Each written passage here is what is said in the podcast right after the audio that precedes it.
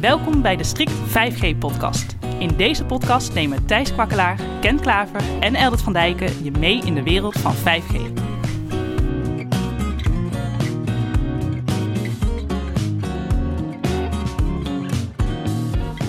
Dit is de Strict 5G-podcast. Ik ben Ken. Ik ben Eldert. En ik ben Thijs. De sector die de ontwikkelingen in 5G zeker in de gaten houdt, is de OOV-sector. En wij daarmee dus ook. Uh, denk bijvoorbeeld aan de opvolger voor C2000 of de opvolger voor Tetra. Uh, dat zijn nu allemaal technieken die worden ingezet omdat ze hun werking hebben bewezen. Maar ze zijn al best wel oud. En dus eigenlijk ook wel een beetje aan vervanging toe. Daar hebben we in podcast 7 en 17 ook al in de basis over gehad. Dus luister die vooral terug als je wat meer achtergrond wil. Maar laten we maar direct beginnen met de actualiteit. Want de minister van Justitie en Veiligheid... die gaf toch wel voor veel Nederlanders soort bericht. En dat werd ook met grote koppen in verschillende kranten aangemerkt. Grote problemen met C2000. hoe zit het nou? Nou, de aanleiding is natuurlijk geweest dat er een aantal incidenten zijn geweest... waarbij hulpverleners in het nauw zijn gekomen... dat ze geen bereik hadden. Althans, ze hadden geen contact met de meldkamer en hun collega's... Het heeft echt tot levensbedreigende situaties geleid. Dus er is terecht over geklaagd en is door de bonden ook aanhanger gemaakt. En de brief heeft natuurlijk, of tenminste, de minister heeft daarop een brief aan de Kamer gestuurd met, met tekst en uitleg. En ja, ik denk een terecht signaal. En de techniek is wel oud, maar nog zeker niet afgeschreven. Maar op een gegeven moment, dan heb je met alle technische systemen, die hebben natuurlijk een bepaalde levensduur. En uh, ja, als er natuurlijk op een gegeven moment contracten ten einde lopen of techniek is oud, dat wil zeggen niet technologie, maar de, de hardware waarmee het gebouwd is, ja, dan moet er iets vervangen worden, zeg maar. Maar voldoet C2000 nu dan niet aan de normen die vanaf het begin zijn gesteld? Nou, toch eigenlijk wel. Want uh, uh, laten we zeggen, er is natuurlijk vanaf het begin een eis gesteld aan de, de dekking die je moet hebben. Hè? Dus hoeveel bereik heb je als, uh, als politie-brandweerman op straat? En dat is buiten. Dat is buiten, precies. Ja. En daar zijn eisen voor opgesteld. Er zijn eisen opgesteld aan de beschikbaarheid van zo'n netwerk. Dus hoe vaak mag het eruit liggen, per jaar of per maand? Uh, mag het het niet doen. Uh, en die normen die destijds zijn gesteld, die worden ruimschoots gehaald. In de laatste rapportage van de Landelijke Meldkamersamenwerking uit 2021 staat dat de radiodekking 99,7% is. Zeg ik dat goed? 99,7%. Even knippen, denk ik. Hè? beschikbaar. Oh, ik denk de dekking staat bovenaan, maar dus beschikbaar. Dat is, ja. Nou, dat is even goed om het onderscheid te maken. Er zijn twee dingen: beschikbaarheid en dekking. En je bedoelt eerst dekking. Ja, ik bedoel dekking. De dekking is 97,7%. 97,7 procent okay. naar plaats en tijd. Dat betekent dat je op 97,7 procent van een willekeurige plek en op een willekeurig tijdstip daar verbinding mag verwachten. Dus dat is zeg maar ruwweg 2,3 procent. Dus ruwweg zeg maar 1 op de 50 plekken waar je als politieman of brandweerman contact probeert te maken met de meldkamer, lukt niet. Nee, dat, statistisch is dat zo. Maar die plek ligt natuurlijk nooit op dezelfde locatie. Tenminste, dat uh, hangt er vanaf welke afspraken je maakt. Uh, kijk, als er op een bepaalde plek geen dekking is omdat er geen mast staat, moet je daar natuurlijk voor zorgen. Maar over het algemeen, omdat het een, statistieke, een statistische waarde is, die wordt beïnvloed door nou, bijvoorbeeld bewegende objecten of dat er een uh, slecht weer is, er zitten blaadjes aan de bomen, wordt de dekking ook verminderd. Dus het zijn verschillende factoren die ervoor zorgen dat die, die, die, die 2,3 procent nou, niet een vaste waarde is, zeg maar, die op een vaste plek ligt. Ja, want de norm is zelfs nog anders, hè? Ja, er is ooit gesteld uh, 95 procent. 95 procent. Dus dat wil eigenlijk zeggen dat je volgens de norm 1 op de 20, hè, dus 5 procent, 1 op de 20 plekken zou je in principe met het nieuwe C2000 systeem, wat hoeveel jaar ondertussen al in de lucht is? Een jaar of 20 denk ik. Nou, moet eens kijken. Dus 20 jaar terug, of ruim daarvoor, heeft men besloten: het is acceptabel als technische eis aan het systeem dat je op één van de 20 plekken waar je mee te maken krijgt, als je aan het werk bent, dat je dan als hulpverlener potentieel geen contact krijgt. En dat is een statistische waarde, leg je uit. Dat Blijkbaar, hè? dat is destijds zo gesteld. Waarschijnlijk ook gegeven, ingegeven door het feit dat ze daarvoor nog allemaal aparte netjes hadden die uh, helemaal niet landelijk dekkend waren. Dus dan is 95% al een hele stap vooruit. Maar dat is een eis van 20 jaar geleden. En daar begint denk ik een probleem van de hele C2000-discussie. Is dat men naar de normen van vandaag de dag, waarin we eigenlijk op ons mobiel gewend zijn, altijd en overal contact kunnen hebben, dat dat 20 jaar terug in het C2000-systeem nooit zo is neergezet. En de werkelijke performance van het C2000-systeem is dus beter als wat we ooit hebben afgesproken. Maar het voldoet misschien niet meer aan de eisen en wensen die we vandaag de dag stellen aan radionetwerken.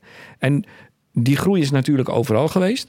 En ken wat jij zo net aan refereerde, dat je zei van nou, het netwerk moet misschien eh, technisch ook een keer vervangen worden. Dat is ondertussen ook gebeurd. Dus een paar jaar terug is het hele radionetwerk volledig vervangen.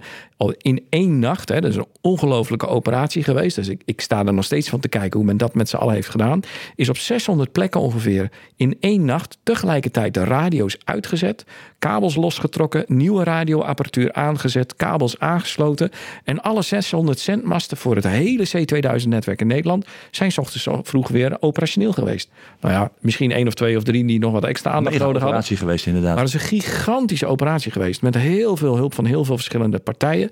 En dat, ik, ik, heb, ik sta er nog steeds van te kijken. Ik krijg daar kippenvel van als ik dat beschrijf. En zo'n operatie is dus geweest om ervoor te zorgen dat heel Nederland een modern radiocommunicatienetwerk heeft met het C2000-systeem. En die technologie is 2G-achtige technologie. Uh, eh, onze oude gsm is nog steeds ook prima functioneel. Alleen er zijn nu natuurlijk meer eisen en modernere eisen. En daar hebben we in onze vorige podcast nummer 17 ook echt aandacht aan gegeven. Dat je ziet dat hulpverleners steeds meer nou ja, data en informatie willen uitwisselen. En dat is meer dan alleen spraak. Want C2000 is vooral spraakgeoriënteerd.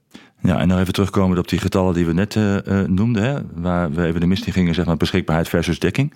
De dekking is dan 97,7 procent. Dat is meer dan is afgesproken, maar dat we zeggen, je kan er tegenwoordig iets van vinden van die waarde. Ja. Beschikbaarheid is iets anders, hè? dat is eigenlijk de technische beschikbaarheid. Ja, even wachten voordat we die beschikbaarheid pakken. Ja? Die dekking voor bijvoorbeeld 4G en 5G-netwerken is met de nieuwe veiligingseis vastgesteld door het ministerie op 98% van het geografisch gebied van elke gemeente afzonderlijk. Dat wel, dus, gemeente. Ja. ja, dus elke gemeente afzonderlijk moet je 98% van de plekken dekking hebben. Met een bepaalde datasnelheid ook nog eens keer. En die eis is door de mobiele operators ook opgevolgd. Door de, uh, en daar, om die norm te halen, hebben ze ook in veel buitengebieden in de afgelopen twee, drie jaar veel masten bijgeplaatst. Dus in Drenthe zijn en Overijssel, Friesland, Groningen, Zeeland, Noord-Brabant, Limburg zijn behoorlijk wat masten bijgeplaatst, zodat operators nagenoeg zeker wisten dat ze in elke gemeente aan de dekkingseis voldeden. En die 98% halen ze dus ondertussen wel. En dat zit dus eigenlijk helemaal niet ver weg van de C2000, 97,7%. Actuele, of actuele radiodekking. Dat Precies. Dus dan denk je van, oké, waar hebben we het nou dan in feite over? Ja, terwijl 97,7 is beter dan is gecontracteerd, zou je kunnen zeggen. Ja. Terwijl 98% de minimale dekkingseisen is die de operators moeten halen. Daarmee blijft natuurlijk wel de discussie van ja, is dit acceptabel voor een hulpverlener? En dat is volgens mij een politieke keuze die een heel lastig te beantwoorden is. Want op het moment dat jij daar als hulpverlener staat en hij doet het niet en, hij en je zit zoals in Rijsbergen in een levensbedreigende situatie, is dat voor jouw werk absoluut niet fijn. En ik kan me ook heel goed voorstellen dat als je dat als medewerker overkomt, dat je dan thuis toch wel eventjes iets hebt te verwerken of in de tijdperiode daarna. Dus dat, dat gaat niet altijd goed. Maar... Nee, maar je moet natuurlijk kijken waar dat door komt. Hè? De, de, de Rijsbergen-incidenten en de andere incidenten die in de media zijn geweest dat moet je misschien niet direct. Is het een structureel probleem? Is dat nou, daar moet je dus naar kijken. Oké, ja. En we gaan hier niet, eh, laten we zeggen, de problemen van C2000 analyseren. Maar uh, het is wel grappig. Dat kunnen wij ook niet? Nou, nee, die informatie hebben wij ook niet. Uh, maar laten we zeggen, als buitenstaander kan je natuurlijk wel zien wat er in de media komt en in de brieven die naar de Kamer zijn gestuurd. En daarin blijkt dat in, in, in de Rijsbergen een incident is geweest van een, een, een, ja, een incident met een mast. Dus dat is niet een structureel probleem. Ja, er waren wel, stond in de brief ook, al lange problemen in het gebied. Dus er is een, een, een mobiel opstelpunt staat er, eh, geplaatst. Ja. Daar lijkt het op in ieder geval. En daar was iets met de antenne niet goed. Dus dat is niet iets wat, laten we zeggen, een reguliere situatie is... waardoor die dekking daar um, um, altijd al slecht was. Hij zou goed moeten zijn, maar dat was een technisch probleem. En daardoor is een incident uh, ontstaan. En, en het lastige is natuurlijk ook in diverse buitengebieden. Ja, politieagenten en hulpverleners rijden ook niet dagdagelijks rond om te kijken. Oh, doet die zendmast het wel? En dan heb ik in deze straat of in die regio wel. Moeten gewoon kunnen vertrouwen. Dus die, er zijn gewoon locaties waar niet veel gesprekken plaatsvinden. Dus het is heel moeilijk om te ontdekken of het systeem daar nog steeds werkt. En plotseling eh, vindt daar een, een incident plaats. En zijn een hele hoop hulpverleners op die plek. En die komen dan tot de ontdekking van hé, hey, hij doet het niet. Op dat moment is het absoluut een groot probleem. Maar het is ongelooflijk moeilijk om dat te voorkomen. Of je moet zeg maar, ja, en ik heb in het verleden bij andere mobiele netwerken ook met performance management en uh, mee mogen zijn, of bezig mogen zijn. En op het moment dat je geen data hebt, is het ongelooflijk moeilijk om die informatie, uh, ja, of, of de juiste beslissingen te nemen ten aanzien van de performance. Om de juiste informatie te genereren. En zelf data maken, ja, dat wil dus eigenlijk zeggen dat je in een autootje moet stappen met een C2000-terminal. En op al die plekken regelmatig eens een call moet opzetten met de meldkamer. Doet hij het? Ja, hij doet het. Oké. Doet hij het? Ja, hij doet het. Hij doet het. Oh, hij doet het hier niet. Oké. Opnoteren en er een rapport van maken en zorgen dat er iets verbeterd wordt. En zolang je dat ook niet continu kunt doen, is het dus ook heel moeilijk om te zeggen: Nou, wij wisten dat daar in Rijsberg, op die hoek of op dat andere incident, op die plek er een probleem was. Dat is heel moeilijk. Eh, wat ze doen is dat proberen continu bij te houden en te voorspellen. Maar je hebt niet overal meetdata. En als je daar geen meetdata van hebt, is het heel moeilijk om het probleem te verhelpen. Dus daar, zeg maar, dat is een onderdeel van het probleem. Als je als hulpverlener daar staat die zegt: jongens, waarom is dit niet gedaan? Nou, dat is eigenlijk omdat er geen leger van meetapparatuurbeheerders uh, of, of uh, meetmensen zijn... die heel de dag rondjes rijden om te kijken of overal C2000 wel is. Ja, dat, is natuurlijk zo. En daar... Mobiele operators hebben dat ook niet. En die hebben dan nog de mazzel dat ze 6000 uh, of 7000 klanten hebben... die op allerlei plekken zijn, die dus enorm veel data genereren. Ja. Want hoeveel gebruikers zijn er van C2000 op dit moment? Um, op dit moment meer dan 108.000. Registreerde gebruikers. Maar ten opzichte van eh, de 6, 7 miljoen van een mobiele operator eigenlijk nog niet heel veel. Nee, dat is ook zo natuurlijk. Zo, zo is het ook. En meestal zijn er niet overal incidenten. Hè? Dus in dat opzicht leven we in Nederland in een behoorlijk veilig land. We hebben weinig te klagen ten aanzien van de veiligheid op straat. En er zijn dus ook niet continu in elke straat hulpverleners bezig met contact met de meldkamer. Ik heb weer een. Ja, ik heb er weer een. Vijf minuten geleden ook al. Nee, maar er is ook al, lang, al langer bekend dat uh, in de grensstreken en ook in Zeeland en andere gebieden de problemen zijn met de dekking waar wel aandacht voor is. Er wordt natuurlijk een lijst bijgehouden met, met klachten en incidenten uh, waar aan wordt gewerkt. De zogenaamde diplijst. Er zijn uh, afgelopen jaar ook weer nou, tientallen zeg maar, locaties weer aangepast. Dekking verbeterd, zodat daar weer fatsoenlijke dekking is en dergelijke. Zeg je daarmee ook van nou, stel dat je nog eens een keer van die 600 er nog 50 masten of 100 masten bij plaatst, dat je dan de dekking weer beter hebt? Klopt dat? In principe wordt het daar wel beter van natuurlijk. Maar en waarom doen we dat dan niet? Ja, kost geld. Uh, frequentieplan moet overhoop. Je kan er natuurlijk nog 600 bij plaatsen. Uh, maar doorlooptijd voor, nou daar hebben we het al eerder over gehad, doorlooptijd voor, voor het plaatsen van de mast. Als je nu een probleem meldt en je gaat daar een planning doen om daar een mast te plaatsen, dan ben je twee jaar verder voordat je staat. Ja, we hebben in uh, podcast 18 uh, natuurlijk ook uitgebreid ja. bij stilgestaan. Dat het, en dat was meer gericht natuurlijk op de operator-mast. Dus misschien dat het voor een mast voor C2000 met wat meer voorrang zou kunnen, omdat het gaat om hulpverleners. Nou, geweldig. Die hebben ook inderdaad voorrang. Dus op het moment dat je als C2000 zegt van ik ga hier een mast plaatsen, dan kun je als omwonende zeggen van daar ben ik het niet mee eens. Dan zegt het C2000-project, ja, sorry, uh, dit is een wettelijke iets. Wij hoeven niet rekening te houden met uh, de omwonenden, omdat het een publieke functie heeft. Ja. Voor de veiligheid van de mensen die hier in de buurt wonen. En als je zegt, ja, maar ik wil die mast niet, kunnen wij jouw veiligheid niet garanderen. Dus uh, geen discussie. Ja. Dus zij hebben als enige het recht, zeg maar, om, om een, dat proces veel makkelijker en sneller te doorlopen. Alleen ik vermoed ook dat er gewoon een bepaald budget zit. En dat je ook niet oneindig masten kan bijplaatsen qua technologie. Eh, maar ook niet zomaar qua budget. En dan is het dus weer een politiek ding. Dus het is ook dus, maar daarom een budget. Is ook, daarom is er ook, uh, naar aanleiding van die klachten die zijn gedaan in de grensstreek, gemaakt in de grensstreek en in Zeeland en zo. Uh, uh, zijn ook de bonden in het verweer gekomen. En toen is er uiteindelijk een, uh, een push-to-talk app gekomen. Zeg maar voor die gevallen waarin 7000 toch minder presteert. En dat je dan via het publieke mobiele netwerk gaat. Ja, voor achter de hand. Een soort fallback oplossing zou je kunnen zeggen. Van werkt het niet? Dan Met een app op je, op je, smartphone. Op je smartphone heb je dan nog in ieder geval uh, een, een, applicatie waarmee je push-to-talk kan doen. Nou, dus die is al, al een tijdje is die, uh, operationeel. Eigenlijk is hij al operationeel van het moment dat uh, 7000 is vernieuwd. Hè, een paar jaar geleden, wat jij net zei, Eldert. Ja. Um, tijdens de migratienacht hadden ze natuurlijk ook even geen bereik. Toen hebben ze ook achter de hand deze app gehad. Oh ja. En um, nou, wat ik in de brief lees aan de Kamer is dat deze app gaat worden doorontwikkeld uh, als onderdeel van de nieuw te realiseren oplossing als opvolger voor C2000. En dat is de stap naar 4G, 5G? Dat is de stap naar 4G, 5G die we wel gaan maken. Klopt.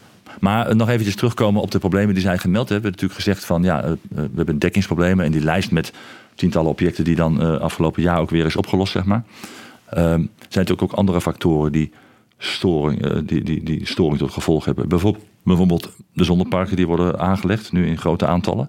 Dat is onlangs nog in de media geweest. En dat is ook een van de aanleidingen geweest voor het eh, bericht in nou ja, bijvoorbeeld de Telegraaf. Uh, zonnepanelen die, uh, zijn beruchte storingsbron voor C2000. Die geven zoveel ruis en storing dat verbinding eigenlijk niet goed mogelijk is. En zijn dat alleen zonneparken of ook zonnepanelen bij mensen op het dak? Ja, beide. Kijk, en hoe, hoe groter de zonnevelden, hoe groter de kans op, op storing natuurlijk is. Het heeft enerzijds te maken met de kwaliteit van de, van de omvormers en de, de, de, de optimizers die daar worden gebruikt.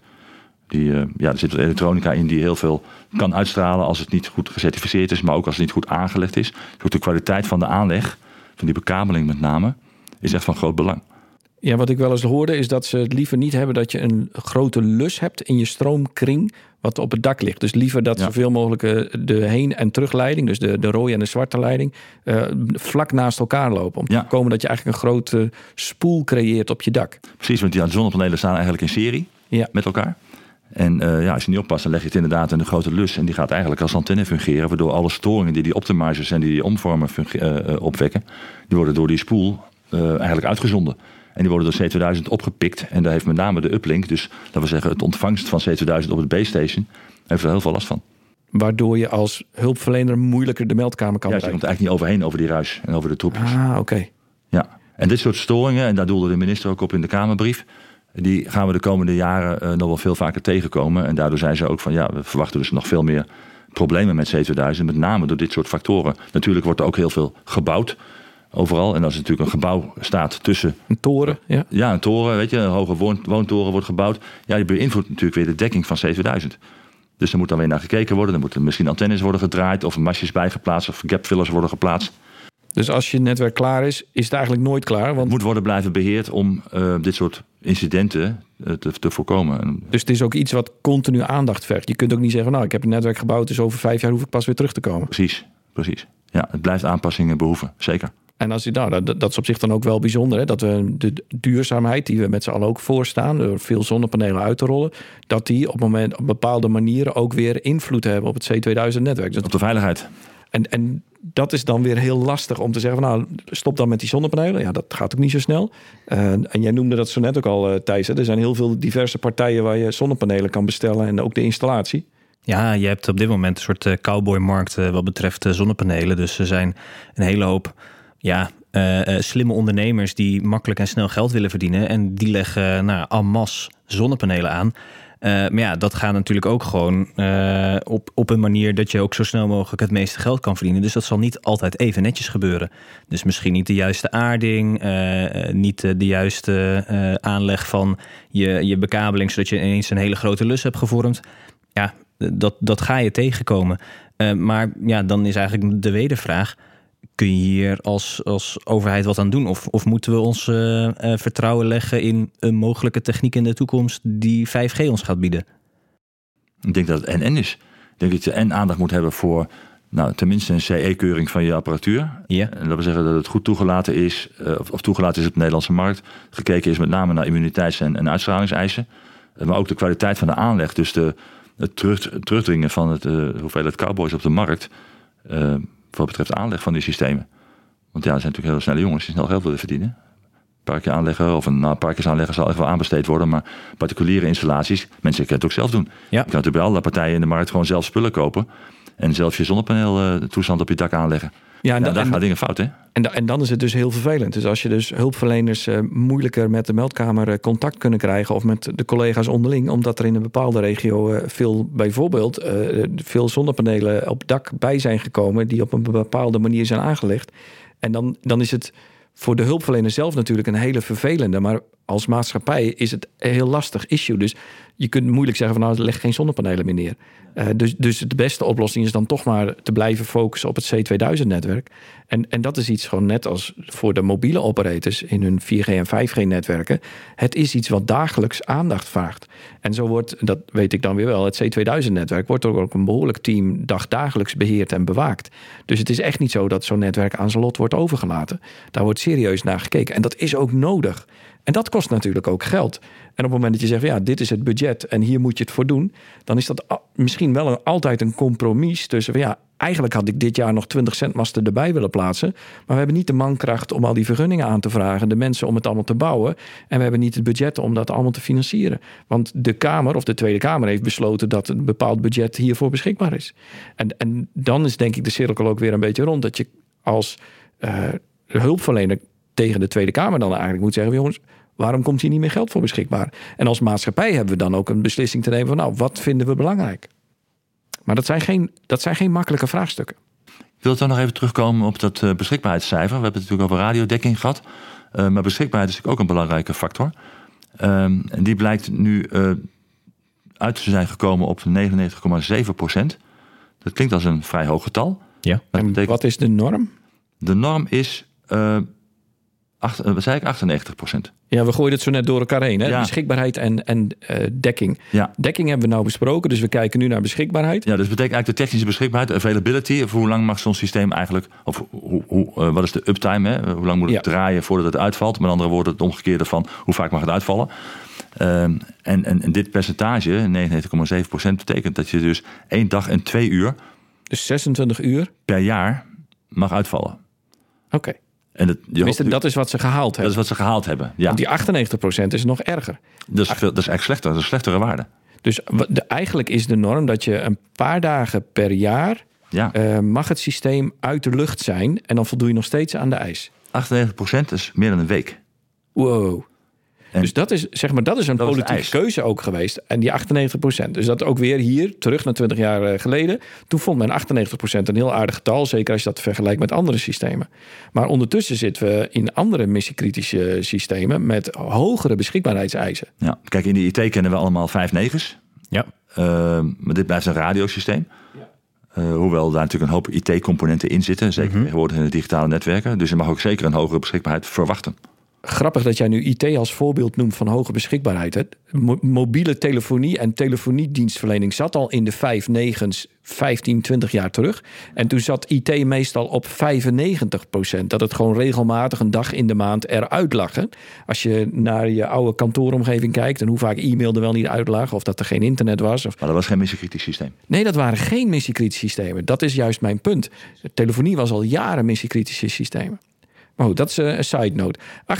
98% is dus eigenlijk een, relatief lage norm. Dat zou je niet willen. Tenminste, dat is tegenwoordig niet meer acceptabel. Het C2000 haalt dus een veel hoger percentage.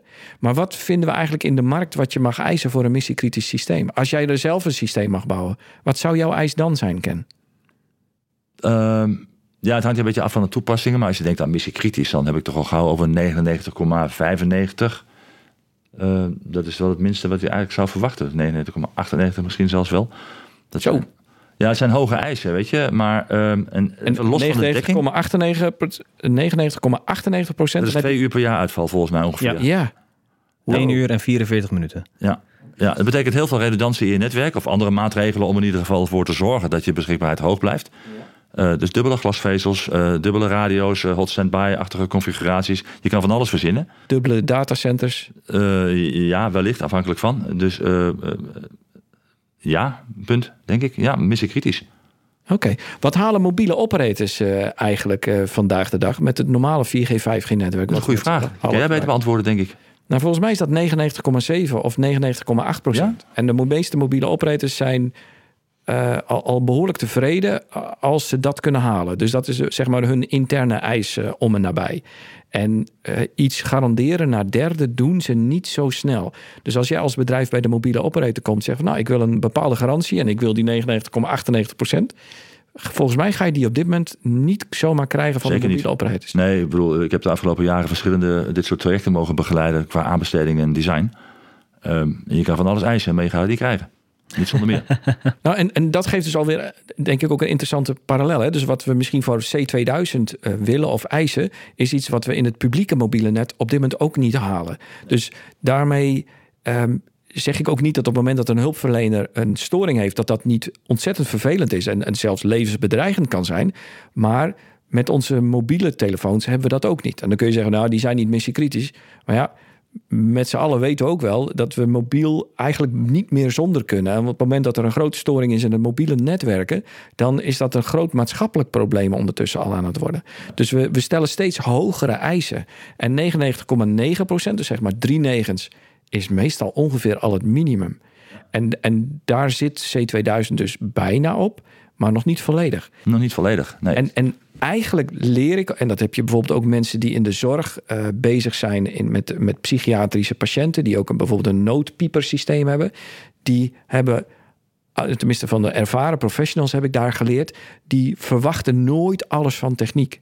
Dus die, die hebben misschien wel een noodknop, maar die denken altijd nog bijvoorbeeld naar hun fysieke veiligheid. Van wat moet ik doen op het moment dat het systeem het niet doet? En ik hoop ook dat de meeste ervaren hulpverleners er ook zo in zitten van wat doe ik als mijn C2000 Porto het niet doet? Wat zijn mijn alternatieven? Hoe zorg ik ervoor dat ik zelf veilig blijf? Je kunt, en, en dit denk ik gewoon in zijn algemeenheid, je kunt nooit 100% op techniek vertrouwen. Dus ook 100% wat je misschien zou eisen, ga je nooit met techniek halen. Ja, of er zit zo'n prijskaartje aan dat je dat als maatschappij ook niet meer acceptabel vindt. Want iedere negen uh, erbij bij zo'n radionetwerk zal qua kosten met, uh, met iedere negen weer zo'n significant hoger getal zijn dat het gewoon niet meer te betalen is. In de IT heb ik wel eens gehoord dat als je van 99,9 naar hè, drie negens naar vier negens wil, dat dat een factor 5 tot 10 additionele investeringen vergt. Dat zal best. Moet ik alles dubbel uitvoeren.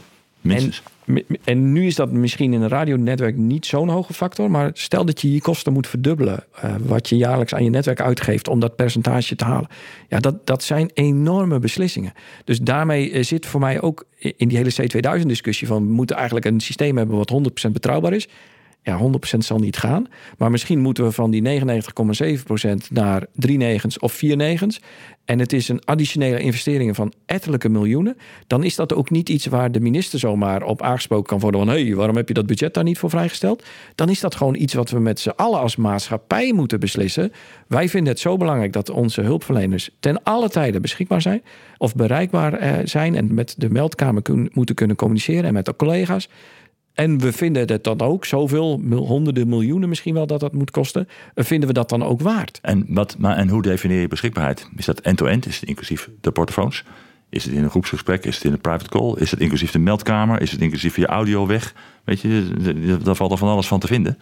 Klopt, ja. Je kunt op, op die deelgebieden. Je kan er behoorlijk op, eh, op, eh, op afstuderen en zo. Maar ik vind het eigenlijk end-to-end. Want het gaat om de hulpverlener die aan het einde met zo'n porto of een ander device in de hand probeert zijn taken uit te voeren. En als die niet kan communiceren en de veiligheid is in gevaar, dan is dat de end-to-end die je nodig bent. Zijn er bruggen in Nova? Als we toch al wel hogere beschikbaarheid hebben. En uh, laten we zeggen redundantie in bijvoorbeeld een radionetwerk. Dus Nova is de bedoelde opvolger van het C2000-netwerk, of in ieder geval het project daartoe. Ja. En wat is hun beschikbaarheidseis, bedoel je? Nou, dat weet ik niet. Er is wel een marktconsultatie geweest uh, waarin, uh, laten we zeggen, inschrijvers zijn gechallenged om uitspraken te doen. Uh, ik weet niet of wat daar over beschikbaarheidspercentages is geroepen. Weet jij dat zo? Nee, maar wat wel de ambitie is, ik weet niet of dat erin staat, maar volgens mij is wel de ambitie van het Nova-project om redundantie te creëren in het radionetwerk en ook in het uh, end-to-end beschikbaarheid. Daar, dus doelde ik op, daar doelde ik op inderdaad. Ja. ja. De gebruik maken van bijvoorbeeld de drie netwerken van de mobiele operators. Ja. Of niet de drie netwerken, het zijn natuurlijk meerdere netwerken met allemaal verschillende frequenties. Uh, maar wel van de meerdere mobiele operators, waardoor als de ene het indoet, dat je dan de andere hebt, bijvoorbeeld. Precies. En dat je daarmee toch een hoger beschikbaarheidspercentage ja, exact. En dat je eigenlijk niet van één techniek afhankelijk bent. En dat is denk ik een. een ik bedoel, ik ben techneut en ik vind, ik vind radionetwerken vind ik geweldig en hartstikke gaaf. Maar ik besef ook dat je nooit 100% beschikbaarheid kan hebben. Want het blijft techniek, het gaat een keer stuk. En of het nou over radiotechnologie hebt, of over een computer of over een auto. Je weet gewoon, het is nooit foutloos. En uh, daarmee heb, daar heb je gewoon mee te dealen. Dus wat doe je als jouw primaire systeem niet beschikbaar is? Ga je dan terugvallen op postduiven? Of ga je met lichtsignalen? Of, of, heb je nog een, een, een andere manier van communiceren? En die vraag stellen we ook steeds vaker in onze projecten bij, van strikt bij klanten. Wat doe je als het systeem waar je eigenlijk altijd op vertrouwt er niet is? En op het moment dat je dan zegt, ja, dan kan ik niks meer en dat is levensbedreigend. Nou, dan kun je maar beter gaan nadenken over wat voor alternatief kun je dan in de lucht helpen. Om ervoor te zorgen dat als zo'n situatie zich voordoet en het wordt steeds crucialer in je werk dat je die verbinding hebt. Wat doe je als die er niet is? Wat is je alternatief? Met wie, met wie moet je kunnen communiceren in noodgevallen enzovoorts? Ja, Precies. terug naar pen en papier is geen optie. Maar er zijn best veel backopties uh, waar je aan kan denken. Nou ja, zoals de Push-to-Talk app die nu uh, in gebruik is voor C2000. Maar er zijn wellicht alternatieven. Ja. Ja, de minister zegt ook in uh, de brief, als het gaat over de nieuwe technologieën, dat die uitvraag waar je net al over had, Ken, dat die ook gaat gebruikt worden voor het programma van eisen voor de vervanger van C2000. Dus daarin uh, ja, ga je eigenlijk mee aan de slag met de nieuwste technologie, wat die als verbetering kunnen bieden op uh, de ervaringen die we nu al hebben met C2000, die al nou ja, 20 jaar geleden een enorme verbetering was toen.